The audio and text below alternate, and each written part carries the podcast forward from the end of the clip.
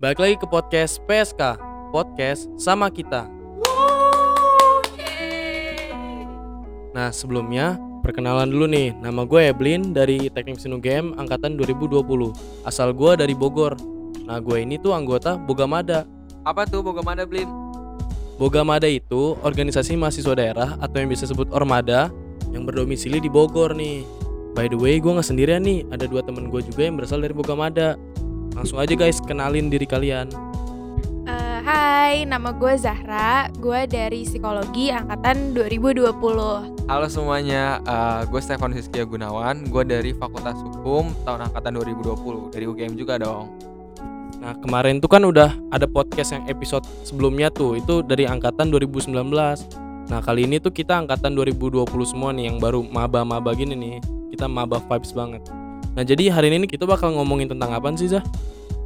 Eh, hari ini kita bakal ngomongin, sebenarnya kita bakal cerita-cerita aja sih, gimana sih awalnya kita bisa masuk UGM, gimana caranya kita bisa masuk jurusan kita, dan kehidupan maba lah awal-awal, masih awal-awal. Eh, langsung aja kali ya. Kalau misalnya dari kalian berdua sendiri, awalnya masuk UGM tuh dari jalur apa ya? Oke, kalau dari gua yang emang dari awal kayak semangat 45 banget nih untuk ngejar UGM.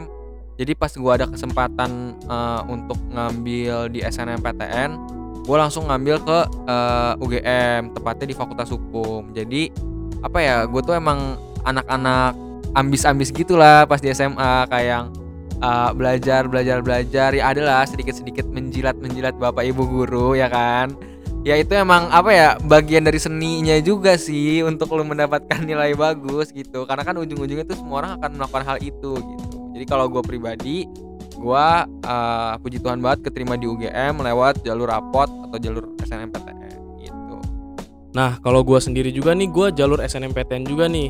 Tapi gue kayaknya nggak terlalu ambis-ambis banget juga sih. Gue malah terkenal di SMA tuh suka tidur. Nah tapi gue puji Tuhan banget gue bisa masuk kuota SNMPTN dan diterima di teknik mesin UGM. Nah kalau temen gue nih yang satu ini gimana nih? Yang naik turun banget nih kisahnya nih? naik turun. Eh, kalau gue agak beda dari kalian karena gue keterimanya di jalur mandiri di akhir-akhir banget. Mungkin kalian tahu namanya tuh utul. Eh, dan tahun ini tuh utul diselenggarain secara online juga kan kayak gitu. Terus kalau misalnya dari awal-awal masuk nih kalian tuh sebenarnya pengennya masuk mana sih? Langsung gak nih dari hukum? Langsung pengen hukum, langsung pengen teknik mesin gitu? Nah kalau gue sendiri tuh sebenarnya untuk jurusan tuh gue menghindari amat sangat menghindari biologi. Awalnya tuh gue karena di SMA tuh gue cuman bisa pelajaran matematika, jadi gue awalnya berpikiran buat masuk aktuaria. Nah tapi setelah mengetahui bahwa aktuaria itu susah banget tuh buat masuknya, gue mengikuti saran orang tua gue, jadi akhirnya gue memilih untuk masuk di teknik mesin. Nah tapi awalnya tuh gue sebenarnya bukan pengen masuk UG- UGM sih, sebenarnya tuh gajah sebelah itu loh yang daerah-daerah Bandung-Bandung itu. Tapi ternyata setelah pengumuman nilai, nilai gue tuh nggak mencukupi buat masuk ke gajah sebelah itu. Jadi gue akhirnya dengan hati yang re- merelakan gajah sebelah, gue akhirnya masuk di UGM ini. Kalau lu gimana nih Nus? Eh, kalau gue sendiri apa ya awalnya tuh gue emang sempat mau masuk akpol juga gitu. Gue sempat ikut tesnya juga dan sempat eh, sampai ke tingkat provinsi itu namanya tingkat panda kayak gitu udah tes segala macem. Cuman pas tesnya itu eh, apa namanya eh, yang diambil 30-an orang gitu dan gue peringkat 50-an jadi emang nggak terima lah gitu. Tapi karena gue emang apa namanya tertarik ke bidang itu jadi gue masuk hukum juga senang banget gitu pas ketika gue nantinya apa belajar juga kayak sekarang gue seneng banget karena materinya juga gue tertarik banget ke sana gitu. Dan awalnya tuh gue emang sempet mikir lah ke karena gue dari apa kita dari Bogor juga sempet mikir nih ke yang kuning kuning itu karena kan deket kan terus juga kayak mungkin mikirnya lebih santai gitu. Ternyata pas gue nonton apa sidang pilpres tuh yang tahun lalu 2019 yang situ kan sempat ada tuh sidang di MK yang nentuin siapa yang uh, bersalah dan lain sebagainya gitu. Nah di sidang itu dari 12 orang hakim, terus uh, jaksa, terus saksi-saksinya itu 9 dari 12 tuh lulusan UGM semua. Terus kayak mereka jadi bercanda-bercanda gitu pas di sidang. Nah di situ mata gue mulai kebuka dan gue impress banget sih kalau hukum UGM tuh ternyata sangat diakui dan ya nomor satu di Indonesia gitu. Nah, kalau misalnya gue sendiri, kalau untuk jurusan awal-awalnya tuh sebenarnya gue juga bukan mau masuk UGM tadinya. Dan sebenarnya juga tadinya tuh bukan mau psikologi. Awalnya tuh kelas 10 ya lah ya IPS eh, impian banyak banget orang adalah masuk jurusan komunikasi. Jurusan impian semua orang dan kita semua tahu kalau komunikasi tuh ketat, terus habis itu lulusannya banyak dan pesaingnya juga banyak banget sedangkan kuotanya tuh sedikit akhirnya gue kembali mempertimbangkan nyari celah-celah yang eh, rada kosong dan ternyata tuh sempet mau sastra Cina juga. Dan itu sat- salah satu pilihan yang unik banget sih. Iya dan itu tuh hampir banget gue masukin ke SNMPTN walaupun akhirnya nggak jadi. Eh, dan SNMPTN pun sempat mau milih psikologi tapi ternyata ada orang lain yang mau ngambil. Akhirnya gue masuk ke kriminologi tuh SNMPTN jadi bener-bener perjalanan gue milih jurusan tuh lumayan beda-beda lah ya sampai akhirnya belum rezeki di SNMPTN eh, dan milih UTBK tuh pengennya tuh eh, UI dari awal pengennya tuh ke UI sebenarnya masukin psikologi segala macam nyampe ikutin simak juga dan ternyata belum rezeki di kampus kuning. Padahal impian banget kan? Eh, dan kebetulan emang gue cuman daftar 3 PTN di jalur mandiri. Jadi begitu akhirnya keterima di pengumuman UGM tuh bersyukur banget alhamdulillah. Karena kalau gak jadi di UGM saat itu tuh bakalan gap year ngulang lagi tahun depan. Gitu deh. Nah eh seperti banyak maba kebanyakan di semua universitas lah ya kalau misalnya kita masuk ke kampus kan kita pasti ada ospek dulu nih. Nah kalau di UGM sendiri tuh namanya PPSMB apa tuh PPSMB Pelatihan pembelajar sukses mahasiswa baru. Nah, kalau PPSMB UGM sendiri itu kan terkenal banget nih, dia nggak ada eh, perpeloncoan, pokoknya seru banget dan sangat beresensi. Nah, cuman kalau gue pribadi tuh gue karena belum banyak tahu tentang UGM, jadi juga gue belum banyak tahu tentang PPSMB-nya, nggak berekspektasi apa-apa kalau gue awalnya. Nah, gimana nih Blin? Lu kan tahu banyak nih soal PPSMB dari awal. Lu juga Rinus, gimana nih? Nah, kalau gua nih emang awalnya ekspektasi gue tuh emang ya gue tahu sih sebenarnya PPSMB tuh bagus. Orang-orang juga udah emang bilang tuh PPSMB bagus, tapi gua gak menyangka bahwa akan sebagus ini di masa pandemi ini. Bahkan di masa pandemi ini juga bisa tetap sebagus itu. Tugas-tugas yang diberikan itu tetap yang beresensi banget lah. Pokoknya benar-benar berguna bagi kita yang maba ini kita bisa ngerti gimana kehidupan di UGM, gimana pertemanan di UGM, gimana kita capek-capeknya ngerjain tugas di UGM. Nah, itu emang kita ngaruh banget sih. Kalau lu gimana, Nus? Iya, awalnya juga gue sama. Maksudnya kan ini kan kayak masa pandemi kan. Udah gitu semuanya serba online. Gue juga awalnya nggak ekspektasi tinggi-tinggi gitu kayak yang tahun lalu yang serame itu kan tahun lalu gitu. Ternyata pas angkatan kita pun walaupun online tuh menurut gue seru banget dan esensial banget. Benar-benar berguna juga kayak kata Evelyn. Terus yang tadi disebutin juga tuh kalau UGM tuh jadi kayak acuan gitu untuk ospeknya karena emang nggak ada kekerasan, nggak ada perpeloncoan gitu. Nah sampai kayak apa ya detail itu benar-benar diperhatiin gitu loh. Kita tuh belajar tentang uh, mental health, terus juga apa sex education, gimana kalau ada kekerasan seksual di kampus. Kita tuh diajarin cara ngelapor, benar-benar yang menurut gue itu berguna banget.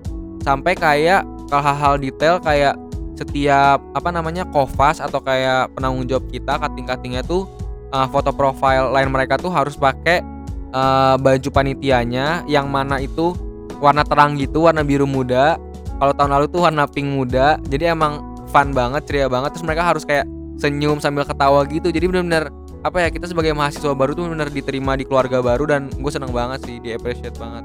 Iya nih sama eh, apalagi kan kita tuh ospek tuh awal dari ospek univ dulu kan dan seperti yang sama-sama dibilang Anu sama Evelyn juga gue yang awalnya gak berekspektasi apa-apa sama PPSMB tuh merasa keren banget dan merasa bener-bener di welcome. Karena tadinya tuh gue pikir kalau misalnya kita online pasti nggak akan seseru kalau kita langsung nih ada di ada di Balairung karena kan kalau spek UGM tuh identik dengan pakai topi, topi petani, terus kita pakai almet juga di situ rame-rame ketemu sama teman-teman dan ternyata eh, serunya tuh bener-bener dapet juga walaupun online.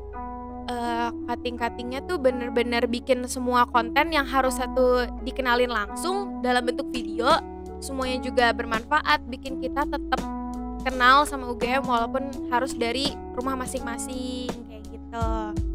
Eh, seru sih. Nah kalau misalnya ospek sendiri kan ada tiga tahap ya kalau gak salah. Jadi ada universitas fakultas sampai ke jurusan Nah, kalau misalnya fakultas itu seinget gue ada di akhir minggu ospek.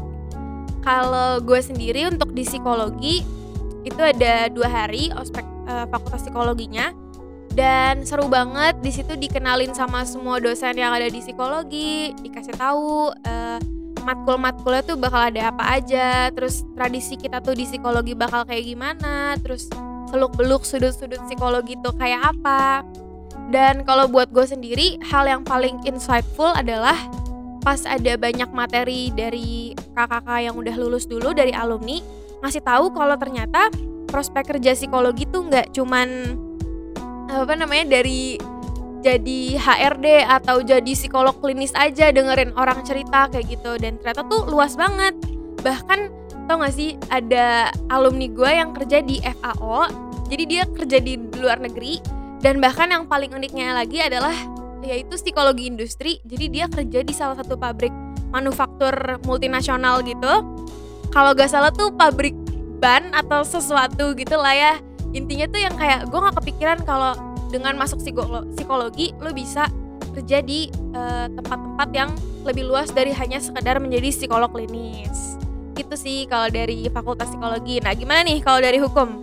Kalau dari hukum sama sih kayak yang gue tadi sempat bilang bener-bener apa ya di UGM terutama di fakultas hukum ya fakultas gua tuh nggak ada yang namanya senioritas. Bener-bener kayak apa ya justru karena cuttingnya sangat baik justru kita anak-anak mahasiswa baru itu malah jadi sangat respect dan jadi sayang gitu sama cuttingnya karena nggak ada apa namanya nggak ada senioritas kan di sana. Udah gitu kayak yang gue dapet pas apa uh, pas ospek uh, jurusan walaupun cuma dua hari cuman sangat berisi juga dan sangat bermakna juga buat gue kalau tadi Zahra kan kayak cerita tentang uh, jurusannya tuh bisa kerja di FAO dan lain sebagainya. Kalau gua ternyata di Fakultas Hukum juga tuh nggak harus jadi jaksa, nggak harus jadi hakim, nggak harus jadi pengacara. Tapi ada juga tuh uh, sekarang tuh duta besar uh, Indonesia yang di Vatikan itu lulusan Fakultas Hukum UGM juga. Jadi teman-teman yang HI siap-siap ya nanti kalian akan punya saingan baru dari Fakultas Hukum gitu. Kalau dari Eblin gimana nih? Soalnya kan Eblin tuh ada ospek uh, fakultas sama ospek jurusan. Beda sama gua sama Zahra. Nah iya kalau dari gua sendiri kok ospek fakultas itu emang bener-bener ini banget sih berguna banget buat gua. Jadi gue bener-bener dikasih tahu gimana sih caranya jadi engineer yang baik di masa pandemi ini. Gimana cara kita bisa berinovasi, kita membuat hal-hal yang berguna bagi masyarakat di negara ini. Jadi yang benar-benar berguna banget sih. Nah terus untuk gue sendiri di fakultas teknik kan gue teknik mesin nih. Gue emang ada ospek jurusannya sih. Nah ospek jurusannya itu kayaknya beda dengan jurusan lain deh. Gue sekitar satu tahun gitu. Mungkin ospek lain tuh bisa cuman satu minggu atau satu bulan. Kalau ospek jurusan teknik mesin itu bisa satu tahun. Nah tapi di satu tahun itu kita emang benar-benar berdinamika bareng. Kita benar-benar tumbuh bareng kan.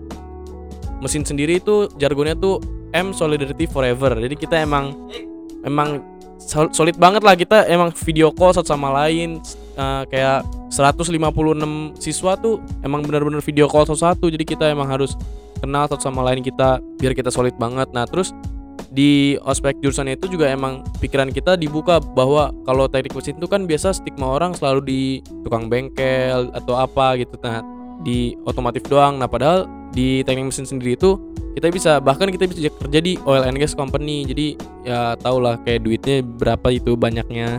Nah jadi emang sangat berguna banget lah ospek jurusan ini. Emang sangat insightful kalau tadi bahasanya Zahra. Nah terus gimana sih guys? Ini kan kita dari Bogor nih. Buat ke Jogja kan tuh pasti ada hal-hal yang berbeda gitu. Kayak sedikit atau atau bahkan banyak hal-hal yang berbeda dari Bogor dan Jogja kalau lu gimana Niza? Uh, culture shocknya nih. Kalau gue sendiri culture shock yang paling kerasa adalah dari bahasa. Karena kan kalau misalnya gue biasa di Bogor atau kita di Jawa Barat gitu kan kita kan ngomong tuh ya gue lu gitu kan.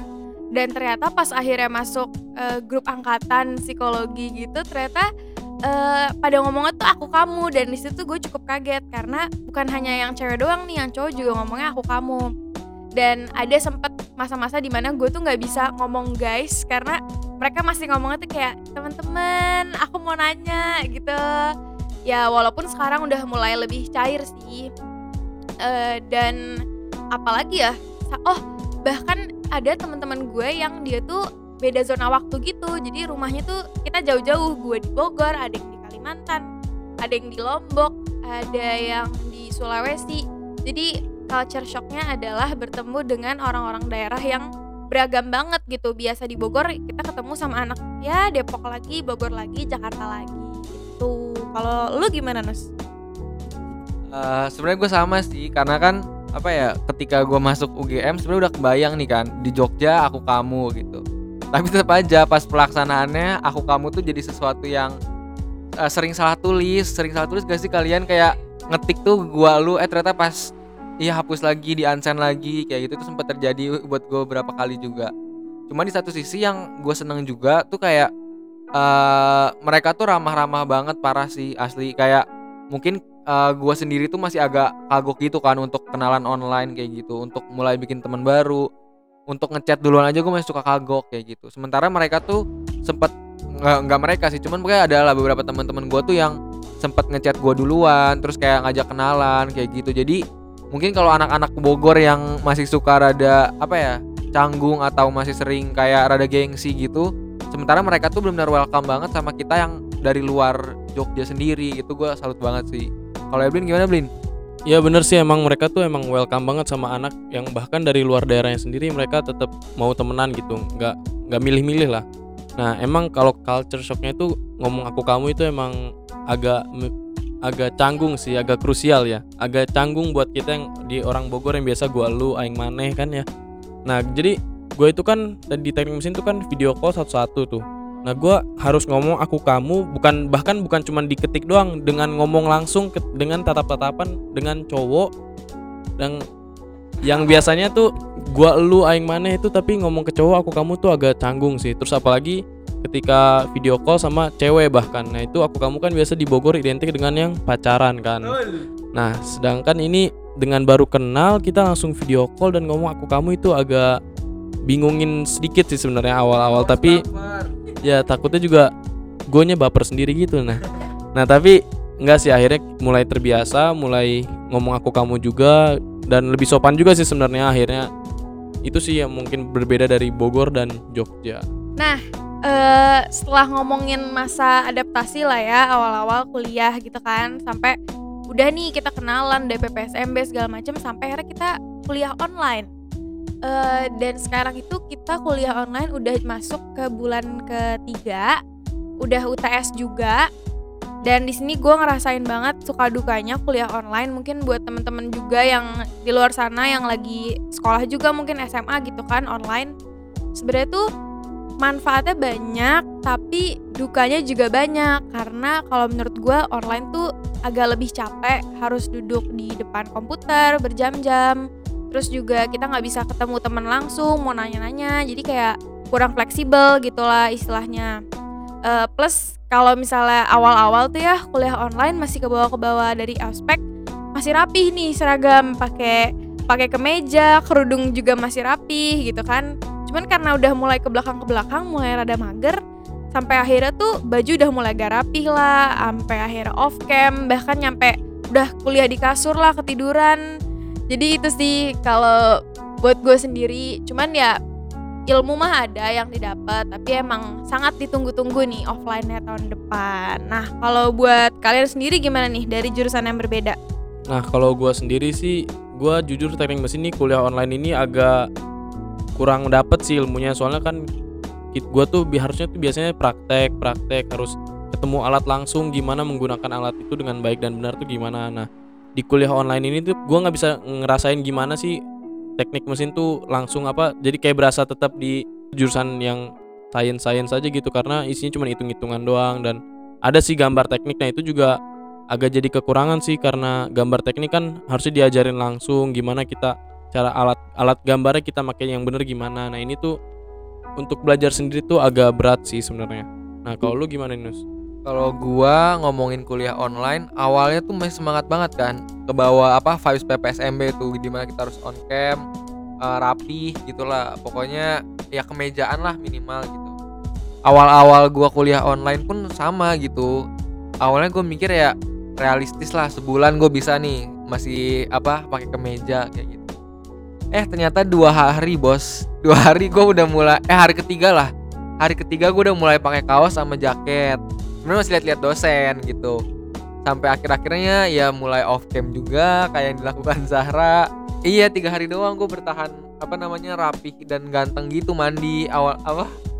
Padahal tuh gue masih masuk kuliah tuh jam 9 kan jadi sebenarnya lebih santai. Cuman apa ya uh, itulah ya karena online itu sebenarnya nggak nyalahin online juga sih. Cuman ya emang gue rasa untuk ilmunya sendiri yang gue dapat pasti lebih banyak ketika offline. Cuman online pun banyak apa banyak banget gue dapat hal-hal baru karena emang hukumnya emang apa ya gue emang suka banget sih sama ilmunya gitu. Jadi pas belajar online pun gue seneng gitu. Tapi ya kayak Evelyn juga gue nggak sabar nih bisa praktek-praktek di apa uh, peradilan semu kayak gitu. Jadi apa contoh-contoh peradilan kayak gitu pakai baju-baju hakim baju-baju jaksa kan bakal seru banget tuh pasti.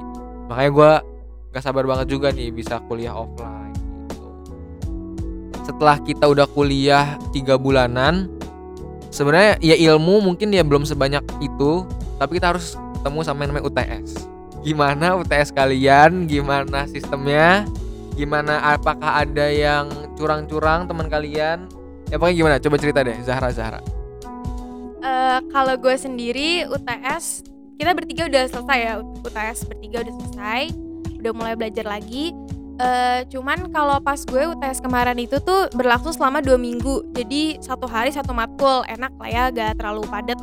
Uh, cuman kalau di psikologi sendiri semester satu nggak tahu uh, dia itu masih pilihan ganda. Jadi soal-soalnya lebih ke hafalan terus analisis dari teori-teori yang udah diajarin nih uh, kalau gue sendiri kendalanya adalah karena baru banget masuk kuliah uh, materi itu cukup banyak gitu. Jadi dalam satu kali UTS bab tuh bisa sampai 9 di UTSin semua dalam dalam soal yang cuma sedikit. Jadi kayak uh, lu nggak tahu nih apa yang bakal dikeluarin. Terus kalau gue juga kendalanya dari pilihan ganda adalah nilai itu langsung keluar. Habis selesai ngerjain udah ketahuan salah berapa nilai berapa gitu stres dikit uh, kalau esai-esai ada sih uh, mata kuliah wajib umum untuk tahun ini ya kita masih ada kayak Pancasila, agama, eh, PKN kayak gitu. Cuman untungnya adalah karena kita juga punya cutting, jadi kita ada yang ngajarin juga. Terus uh, apa namanya istilahnya tuh asistensi. Gue ada satu matkul tuh statistik juga diajarin gitu sebelum hari UTS tuh cuttingnya ngasih presentasi, kita boleh nanya, kita dikasih latihan soal. Jadi baik-baik banget lah uh, eh, UTS tuh terbantu gitu dengan adanya teman-teman. Nah, kalau lu sendiri gimana nih Blin? Kan banyak hitungan nih.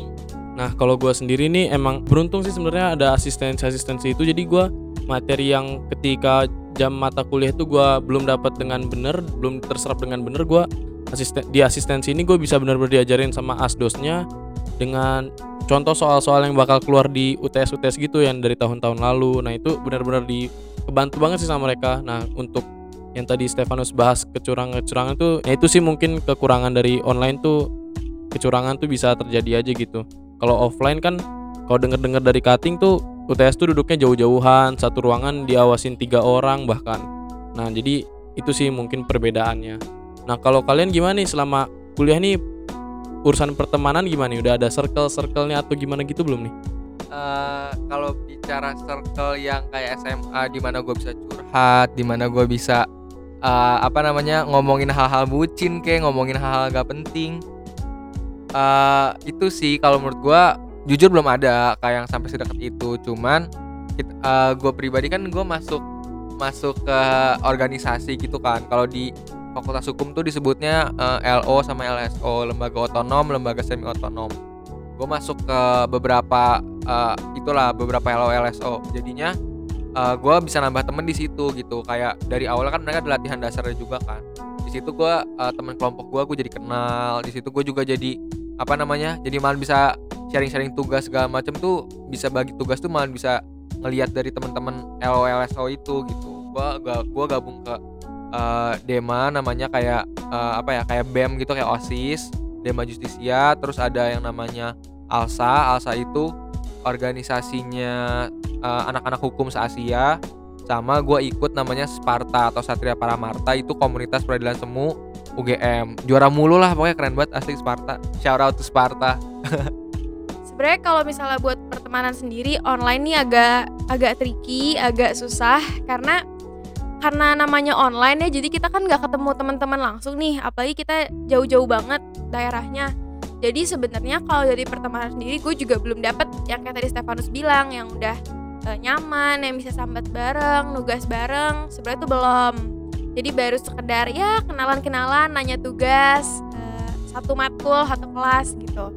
Nah cuman untungnya banget adalah kita tuh ada namanya Bogamada eh, Bogor Gajah Mada. Jadi kita di Bogor, anak-anak Bogor yang masuk UGM itu eh, terlibat dalam satu komunitas daerah yang bikin kita tuh jadi kalau mau nanya apa-apa, terus juga kosan mau nanya-nanya soal UGM lah, kita jadi tergabung lah sama cuttingnya gitu. Jadi kalau untuk temenan sendiri masih sama anak-anak yang Bogor-Bogor juga gitu sampai saat ini. Mungkin emang butuh waktu ya mau kenalan juga kan canggung nih online.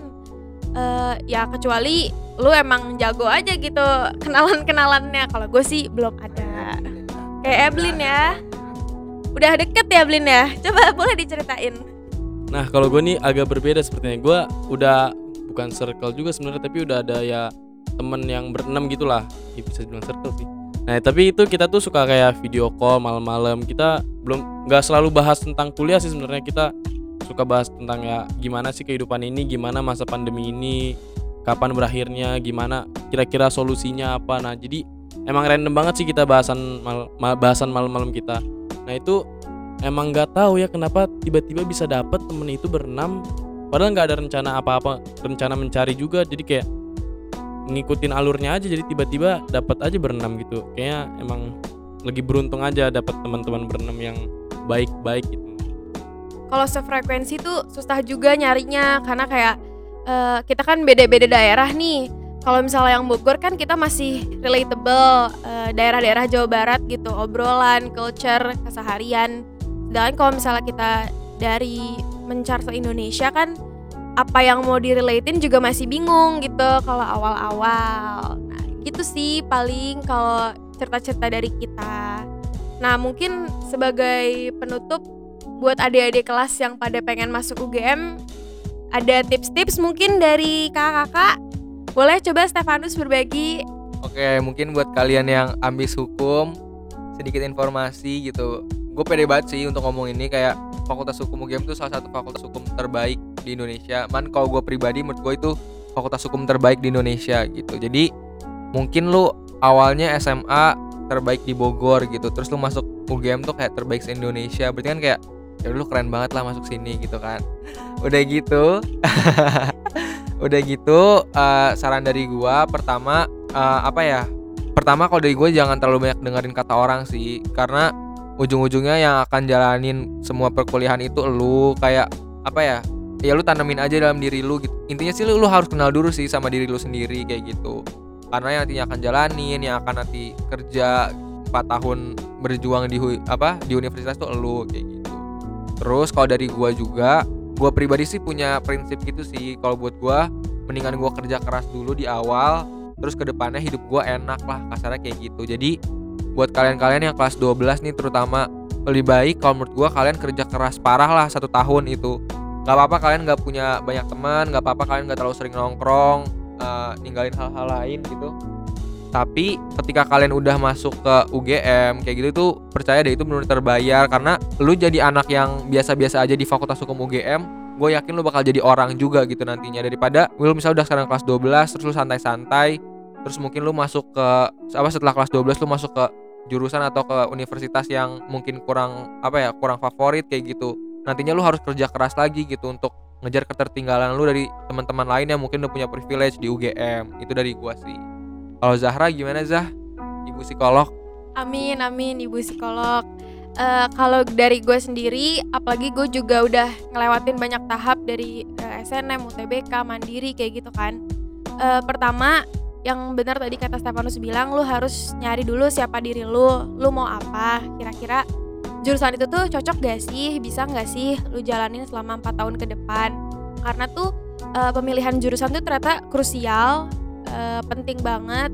Karena beberapa dari teman-teman kita tuh ada aja yang akhirnya udah masuk nih eh, jurusan yang dia pengen dan ternyata eh, merasa nggak cocok gitu. Atau mungkin keterima di pilihan dua yang ternyata pas udah dijalanin oh kayaknya ini nggak terlalu gue banget deh atau merasa beban gitu. Jadi pinter-pinter lah dalam masukin jurusan harus eh, sesuatu yang bisa eh, lu jalanin ke depannya yang lu tuh mampu gitu. Terus juga eh, bener harus semangat banget. Karena dulu juga gue mikirnya masuk kuliah masuk PTN tuh eh, ya iya gak susah itulah bisa lah bisa. Dan ternyata setelah gak keterima banyak tahap tuh kerasa banget gitu sakitnya kayak udah usaha kan. Jadi bener harus harus banget eh, kerja keras. Dan eh, penting juga buat kalian tahu itu tuh sebenarnya tergantung individunya juga gitu. Kayak mau kalian di mana kalau misalnya kalian jalaninnya senang sesuai passion itu tuh nanti pasti akan berkembang juga gitu orangnya. Cuman emang namanya di lingkungan yang baik eh, kita ketemu orang-orang yang berkualitas ketemu orang-orang yang wawasannya luas itu pasti akan berbeda gitu. Nggak apa-apa jadi kecil di tempat orang-orang keren asalkan eh, lu mau belajar gitu jadi balik ke individunya masing-masing semangat buat yang mau masuk PTN yang mau masuk UGM ditunggu tahun depan Nah iya bener sih itu yang tadi Stefanus sama Zahra bilang tuh emang bener-bener kita harus nggak boleh gampang nyerah gitu. Kalau gua sendiri kan gua udah bimbel di salah satu bimbel di Bogor ini dari kelas 11 kan karena gua tuh ngerasa emang gua kurang dalam pelajaran gue kurang ngikutin teman-teman yang lain tuh gue kurang. Nah jadi gue emang bener-bener pulang pergi pagi pulang malam jam 8 emang demi untuk mengejar cita-cita gue itu yang teknik mesin itu jadi ya emang harus kerja keras sih. Bener tadi kita Stefanus harus kerja keras di awal biar nanti kita ke depannya kita lebih santai gitu lebih enak hidup kita.